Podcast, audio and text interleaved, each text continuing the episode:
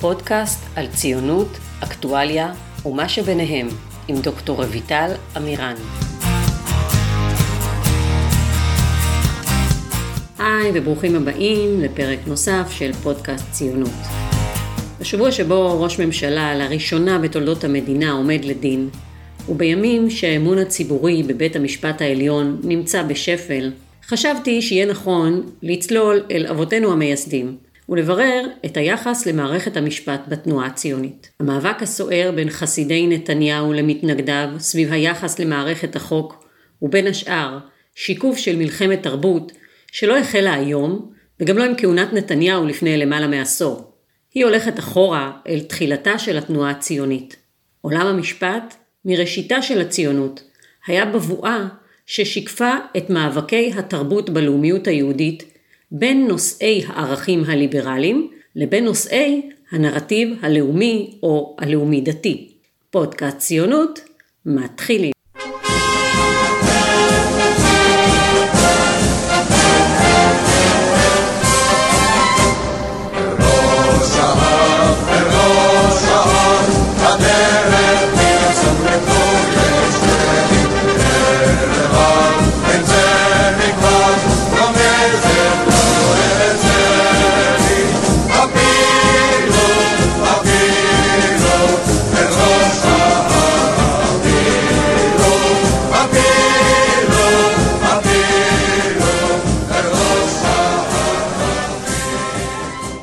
עוד בטרם נדבר על השפעת המשפט הבריטי על אליטות היישוב, חשוב לחזור אחורנית אל האופן שבו התעצבה שאלת התרבות בתנועה הציונית. בפרק הקודם דיברנו על שתי גישות מרכזיות. זו של אחד העם, שדיברה על תחייה תרבותית ולמעשה ביקשה לשאוב תכנים מהמורשת היהודית ולהעביר אותם סוג של חילון, גישה שכזכור אפיינה את יהדות מזרח אירופה ונציגה המובהק היה אחד העם, ומנגד הגישה ההרצליאנית, שהייתה רזה מאוד ביחסה למורשת היהודית, ורצתה להקים בארץ ישראל מדינה שהיא פחות או יותר שלוחה של התרבות האירופית. הזכרנו גם בפרק הקודם את הגישה השלישית, הדתית-הלכתית, ואת החשש של נציגיה מכל התעסקות ציונית בשאלת התרבות.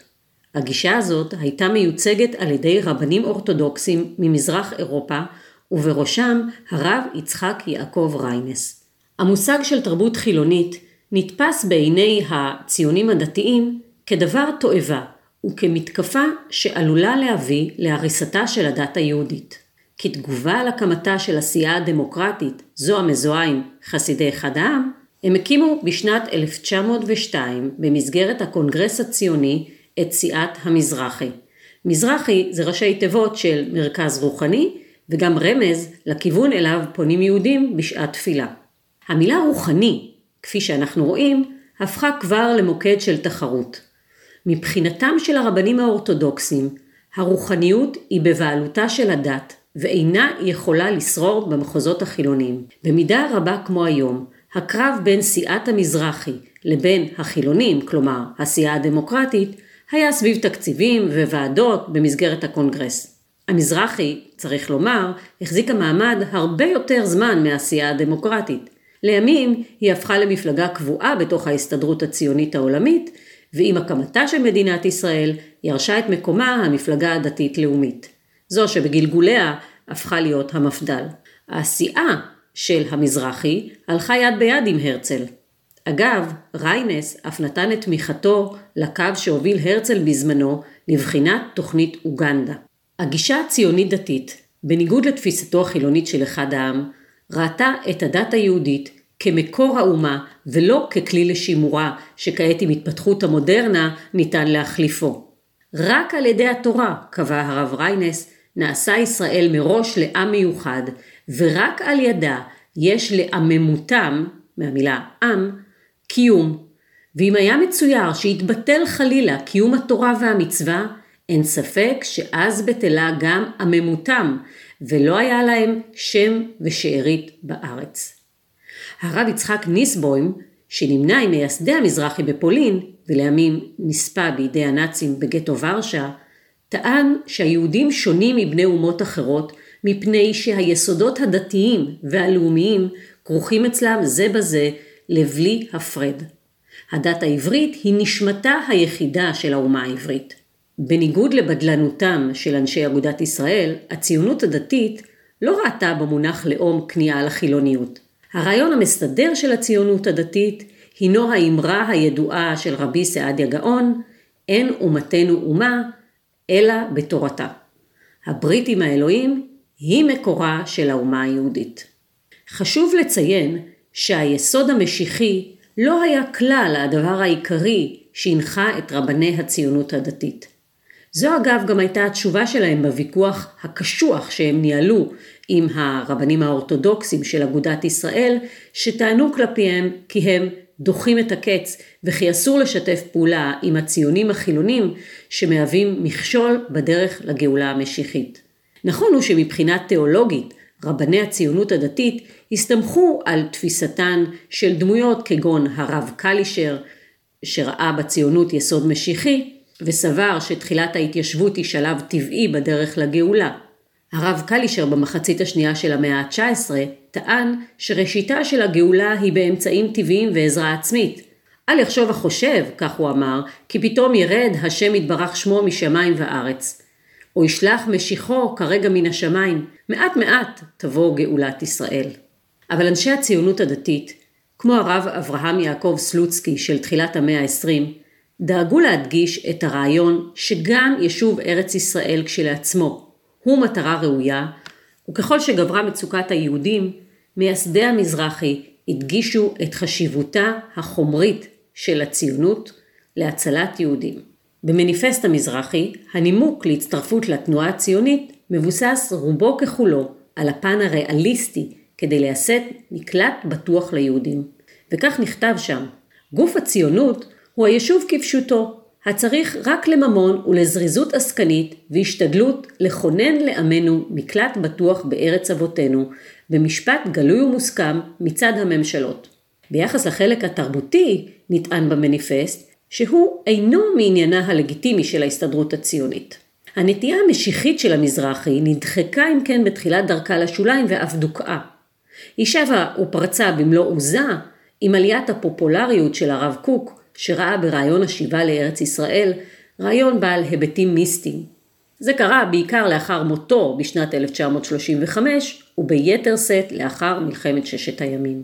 אנחנו עוד נשוב ונדבר בפרקים אחרים של הפודקאסט על התמורות שחלו בציונות הדתית. הדיון שלנו כעת, אני מזכירה, עוסק ביחסה של התנועה הציונית בראשית דרכה ליסודות המשפט. לאחר שהבנו מי נגד מי מבחינה רעיונית, נדלג לימי המנדט. 1921, עוד טרם פעלה ממשלת המנדט בארץ, הקימו הבריטים בית ספר למשפטים שמטרתו הייתה להכשיר את התושבים היהודים והערבים לניהול הממשל שלהם בארץ. התהליך הזה מכונה על ידי החוקר אליעזר מלכי אנגליפיקציה של המשפט הארץ ישראלי. בתי המשפט בישראל הכילו באופן נרחב תקדימים אנגלים בכל תחומי המשפט, מה שנקרא סימן 46 לדבר המלך במועצתו. באופן זה הוחדרו אל תוך המדינה שבדרך, זו שטרם עיצבה את ערכיה המשותפים וטרם גלי העלייה הגדולים, ערכי ליברליזם שהיו פרי התנסות מאוד ארוכה ומעמיקה של החברה האנגלית. אל מול התהליך הזה של החדרת ערכים ליברליים, לא היו אלו הדתיים הציונים שעמדו מנגד. כפי שהסברתי קודם, ענייני הרוח והתרבות לא העסיקו אותם כלל בשלב הזה, והם העדיפו להדחיק אותם. ההתנגדות באה דווקא מצד החילונים, תומכי גישתו של אחד העם, שראו כאמור בציונות תנועה להחייאה תרבותית של העם היהודי. תחום המשפט, כמו תחומים אחרים, נתפס ביניהם, ובצדק רב, כמי שגם דרכו יכולה וצריכה להתגלם רוח העם היהודי הייחודית. עד כמה שזה יישמע לנו מוזר כיום, הם אלו שטבעו לראשונה את המושג משפט עברי, ובהמשך הם גם הקימו כתבי עת והוצאות לאור על מנת לקדם את האג'נדה הזו שלהם. ב-1935 הם אף היו אחראים להקמתה של מה שהתגלגל לימים להיות הפקולטה למשפטים באוניברסיטת תל אביב. החוקר מני מאוטנר מציין כי בשנות ה-20 וה-30 של המאה ה-20 התחוללה בארץ מלחמת תרבות באמצעות קרב על אופיו של המשפט הארץ-ישראלי. האם הוא יהיה בזיקה למסורת המערבית הליברלית או למסורת היהודית? לקרב הזה היו השלכות. כך למשל נטייתו הלאומית של בית הספר שהקימה התנועה למשפט עברי לא זכה לתמיכה מממשלת המנדט, ובוגריו סבלו מעמדת נחיתות כשהם רצו להתקבל לעבודות. התנועה הזאת של המשפט העברי לא האריכה ימים והשפעתה לא הייתה רבה. במהלך השנים הזיהוי של משפט עברי הפך מזוהה יותר ויותר דווקא עם אנשי משפט דתיים שביקשו לקשור את המשפט הישראלי להלכה ולימים עם המשנה לנשיא בית המשפט העליון, השופט מנחם אלון. אבל מלחמת התרבות באמצעות תחום המשפט המשיכה בצורות שונות. הערכים המרכזיים של התרבות ההגמונית בקום המדינה היו ערכים המדגישים את הקולקטיב ומכפיפים את האינטרסים האישיים לטובת המדינה. החיים בשירות המדינה, בין אם על ידי הקרבה עצמית בלחימה, בעבודה או בהתיישבות, נתפסו כאידיאל שיש לשאוף אליו. הפער בין תרבות זו לבין פסיקות בית המשפט היה בולט. די אם נזכיר את פסק הדין של בג"ץ כל העם בשנת 1953, ובו קיבל השופט אגרנט את עתירתם של העיתונים על איתיחד וכל העם, נגד צו הסגירה שהוציא נגדם שר הפנים דאז. פסק הדין כל העם ביסס את חופש הביטוי וקבע גבולות להתערבותו של השלטון בזכויות היסוד של האזרחים. אבל היו פסקי דין נוספים שהיוו תקדימים ודאגו לבסס את הערכים הליברליים ושמו רסנים לשלטון הרוב. כמו למשל בג"ץ בז'רנו נגד שר המשטרה, שקיבע לראשונה את זכות חופש העיסוק וקבע כי אין הצדקה לקיפוח אחת מזכויות היסוד של האזרח, כל עוד אין לשלטון סמכות מפורשת מתוך החוק לעשות כך. אפשר לדבר גם על בג"ץ שליט נגד שר הפנים בשנת 1968, שפסל את טיעוני המשפט העברי עליהם הסתמך היועמ"ש, והקובעים על פי פרמטרים דתיים את זהותו הלאומית של אדם. בג"ץ שאגב בעקבותיו שונה לימים חוק השבות. אם נסכם, הרי שמלחמת התרבות מתקיימת בעם היהודי בעוצמות שונות ובדרכים מגוונות, למעשה מאז צמיחת תנועת ההשכלה בברלין באמצע המאה ה-18 ועד ימינו. אותה תנועה ששמה את האדם התבוני והאוטונומי במרכזה ומבקשת להדגיש את חירותו ואת מרכזיותו, הן ביחס לאל והן ביחס לקולקטיב. היהודים ניהלו עם תנועה זו רומן ארוך, שנע בין הצורך לשמור על הזהות היהודית הייחודית לבין המשיכה לתרבות המערב. מערכת המשפט הישראלי נולדה כנציגה מובהקת של תרבות המערב. החוקרת פנינה להב מתארת את טקס פתיחתו של בית המשפט בישראל ב-15 בספטמבר 1948. השופטים, כך היא כותבת, הקפידו להתרחק מכל סממן דתי בטקס הפתיחה. הם סירבו לחבוש כיפות לראשיהם במהלך הטקס. הגדיל לעשות יצחק אולשן, שסירב להישבע אמונים למדינה על ספר התנ"ך, והתעקש להישבע אמונים בטקס חילוני. הרבנים הראשיים מצידם החרימו את טקס הפתיחה. הרב הראשי יצחק אייזיק הלוי הרצוג כתב למחרת היום מכתב לרב ברלין, נשיא ארגון מזרחי העולמי, וטען כי ראוי היה להכריז תענית ביום פתיחת בית המשפט, משום שהמוסד הוא גולת הכותרת של ביטול משפט התורה הקדושה בישראל. תשטוף את העפר מן העיניים,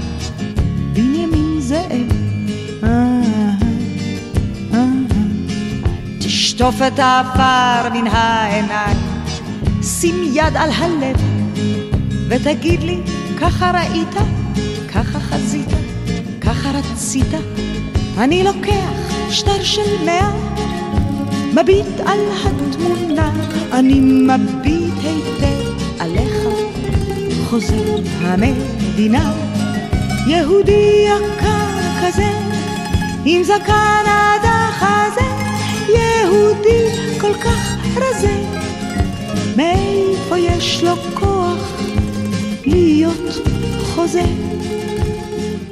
חייבים לציין שהיותו של בית המשפט מעין נציג של מיעוט ליברלי מערבי בתנועה הציונית, לא מנע מהערכים הדמוקרטיים להוות חלק אינטגרלי מהאופן שבו התנהלה התנועה הציונית ומהעקרונות יסוד שעליהם הוקמה מדינת ישראל.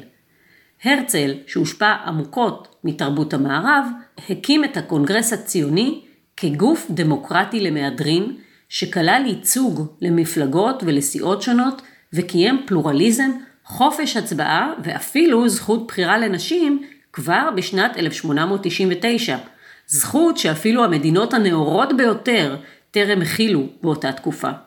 ארצות הברית לדוגמה העניקה זכות בחירה לנשים בשנת 1921. צריך לזכור שגם במהלך שנות המנדט התקיים בארץ ישראל אורח חיים דמוקרטי שאפשר חופש ביטוי, חופש התארגנות ודיונים פוליטיים ערים. 50 שנות פעילותה של ההסתדרות הציונית הספיקו אם כן כדי לייסד תשתית דמוקרטית על גביה ניתן היה לייסד דפוסים דמוקרטיים גם בתקופת היישוב וגם מאוחר יותר במסגרת הממלכתית של המדינה. מגילת העצמאות, כידוע, מכילה מחויבות לערכים ליברליים מרכזיים ולשוויון זכויות חברתי ומדיני לכל אזרחיה של המדינה, ללא הבדל דת, גזע ומין. אז איך ניתן להסביר בכל זאת את נקודת החיכוך בין המחויבות הדמוקרטית הציונית לבין היחס החשדני לעולם המשפט שייצג ערכים ליברליים? יחס שהיה כבר מנת חלקו של בן גוריון, הרי אם ניזכר, היה זה בן גוריון, שלמרות המחויבות בהכרזת העצמאות, התנגד לכינונה של חוקה שתגדיר את זכויות היסוד של האזרחים, את היחסים בין רשויות השלטון ואת סמכויותיהן. הרי בסופו של דבר הכנסת אימצה את החלטת הררי שקבעה ב-1950 כי הכנסת תחוקק מעת לעת חוקי יסוד שיאוגדו ביום מן הימים לחוקה. כפי שאנחנו יודעים גם היום, כשמנהיגים רוצים למסמס משהו, הם מתחילים לפרוס אותו לפרוסות אה, דקות ומכוונים אל העתיד אה, שיכריע בנושא. ולמעשה אנחנו הגענו למצב שעד היום אין לנו חוקה. אז מה גרם לבן גוריון בעצם למסמס את ההחלטה, או לפחות לנסות אה, להרחיק אותה? בן גוריון היה מודע למתחים התרבותיים בקרב הקבוצות השונות של החברה הישראלית המתגבשת, והוא סבר שחוקה במועד כל כך מוקדם של התגבשות חברתית ומדינית עלולה להיות בעייתית ולעורר מחלוקות שעלולות רק להפריע לממשלה לעסוק בבניין המדינה הצעירה והשברירית. מעניין אם האמין שלאחר 70 שנה המחלוקות הללו רק ילכו ויחריפו ועל חוקה בכלל לא ניתן אה, יהיה לדבר. מכל מקום סביר גם להניח שכראש ממשלה הראשון שמשימות אדירות היו לפניו, בן גוריון לא ממש שש אה, שתהיה חוקה שתגביל את כוחו. החשש הזה סביר להניח שליווה גם כל ראש ממשלה שבא אחריו. עולם המשפט הישראלי, כסוכן של ערכים ליברליים, התקשה מראשיתו להתמודד עם עולם המשמעות החזק בציונות, והוא עולם משמעות שבניגוד לתפיסה הליברלית המדגישה את האוטונומיה של האדם ואת הזכויות האוניברסליות כגון חופש ביטוי, חופש דת, חופש המצפון, החופש לפרטיות ועוד, מדגיש דווקא את חשיבותה של המסורת ואת הקשריו התרבותיים של האדם, שהוא רואה בהם כמי שמגדירים את זהותו. הפערים בין מערכת הערכים המנחה את עולם המשפט הישראלי לבין חלקים גדלים והולכים בחברה הישראלית הלכו והתרחבו. סיבה אחת לכך היא ירידת ההגמוניה של תנועת העבודה הלאומית והחילונית שאת מקומה תפסו קבוצות חברתיות, מסורתיות ודתיות יותר. הציונות הדתית, משותפה זהירה ונאמנה של מפא"י, הפכה לכוח מוביל במדינה. אם נזכר בראשית הפרק, דיברנו על המתחים הקשים בין תפיסת הדתיים את הציונות לבין התפיסה החילונית-תרבותית. המתחים הללו היו ככל הנראה ניתנים להכלה עד לשנת 1967, אבל בהדרגה הפכה הציונות הדתית לאחת הקבוצות הדומיננטיות במדינה ולבעלת נוכחות גדולה בכל מוקדי הכוח של החברה הישראלית. בפרקים אחרים של הפודקאסט אנחנו נקדיש דיונים לציונות הדתית. בשלב הזה חשוב להדגיש שצמיחתה של הגמוניה, שסיסמתה ארץ ישראל לעם ישראל על פי תורת ישראל, מכילה באופן מובנה קושי מול מוסד ליברלי כמו בית המשפט העליון, שרואה את משימתו העיקרית בהגנה על הזכויות השליליות של האזרחים, מפני הניסיון של המדינה לכפות עליהם תפיסה של טוב קולקטיבי כלשהו. מנגד, גם בית המשפט העליון עבר שינוי, והפך לאקטיביסטי ותרם להקצנת המתח. החל משנות ה-80 התחוללו בו שינויים משמעותיים. תחומי התערבותו במעשי הממשלה הורחבו וכן בית המשפט פתח את שעריו בפני עתירות רבות. אם בעבר תנאי סף שנדרש מאדם על מנת להגיש תביעה משפטית היה שהוא עצמו נפגע מעוולה, הרי שבאופן הדרגתי הלכה והתרחבה זכות העמידה, והיא מוענקת כיום גם לעותר שאינו נדרש להציג פגיעה אישית שנגרמה לו, ושלא במסגרת סכסוך בין שני צדדים, אלא הוא עושה זאת לצורך השגת צדק. באופן זה שינה בית המשפט את תפקידו מתפקיד של בורר בסכסוכים בין פרטים ובין הפרט לרשויות השלטון, לתפקיד רחב יותר שכולל גם דאגה לשלטון החוק וגם לעניינים כלליים. נקודת השיא באקטיביזם של בית המשפט העליון הייתה ללא ספק בפסק דין המזרחי בשנת 1995. בית המשפט קבע אז כי בסמכותו לפסול חוקים של הכנסת אם יימצא שתוכנם סותר את הוראותיהם של שני חוקי יסוד, חוק יסוד כבוד האדם וחוק יסוד חופש העיסוק, שחוקקו בשנת 1992. כאמור, השסע בין ערכי הליברליזם לערכי הלאומיות והדת הגיע לשיאו בתיקי נתניהו. נתניהו ותומכיו טוענים כי הוא נרדף בידי אליטה חילונית וליברלית, שאיבדה את כוחה הפוליטי עם ירידתה של מפלגת העבודה, והיא מתבצרת כעת במוסדות מערכת המשפט ומנסה משם להכתיב את דרכה וערכיה.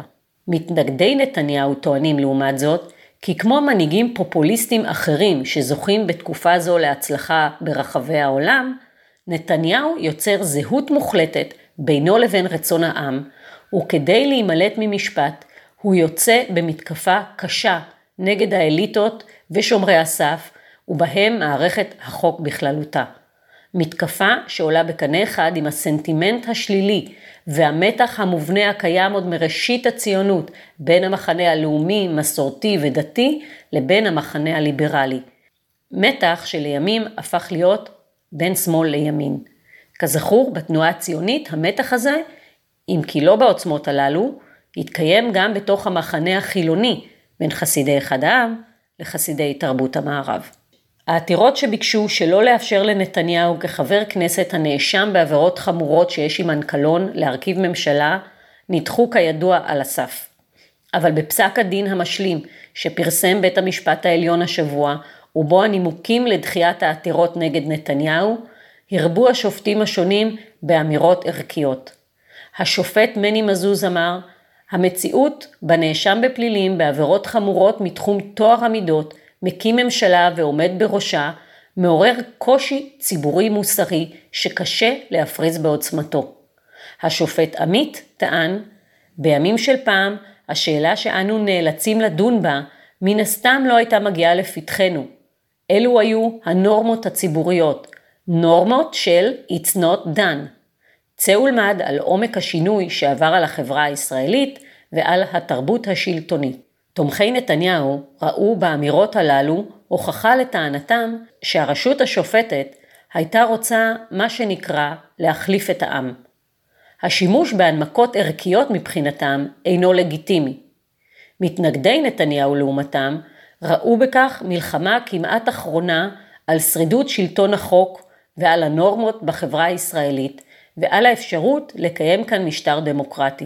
שכן אין דמוקרטיה בלי אמון בבתי המשפט ובשלטון החוק. ללא ספק, המתח בין הערכים הליברליים המיוצגים על ידי אנשי המשפט לבין המחנה שמגדיר את עצמו לאומי או לאומי דתי, הגיעו בימים אלו לשיא שהציונות לא ידעה כמותו.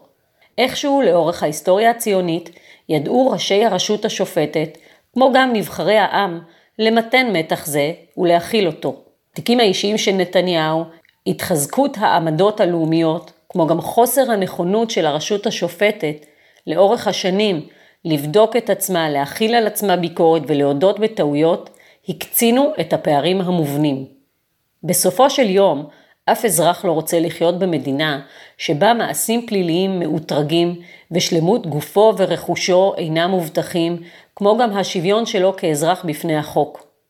באותה מידה, אינטרס דמוקרטי הוא כי מי שזכה להיבחר כראש ממשלה על ידי רוב קולות הכנסת, לא יוכל להיות מודח על ידי בית המשפט. תסבוכת שכפי שהעיר השופט עמית, היא בבחינת חלום בלהות חוקתי שעלול לקלוע את בית המשפט לעין הסערה הפוליטית. את חוסר האמון במערכת המשפט יש לשקם לטובת כלל האזרחים בישראל.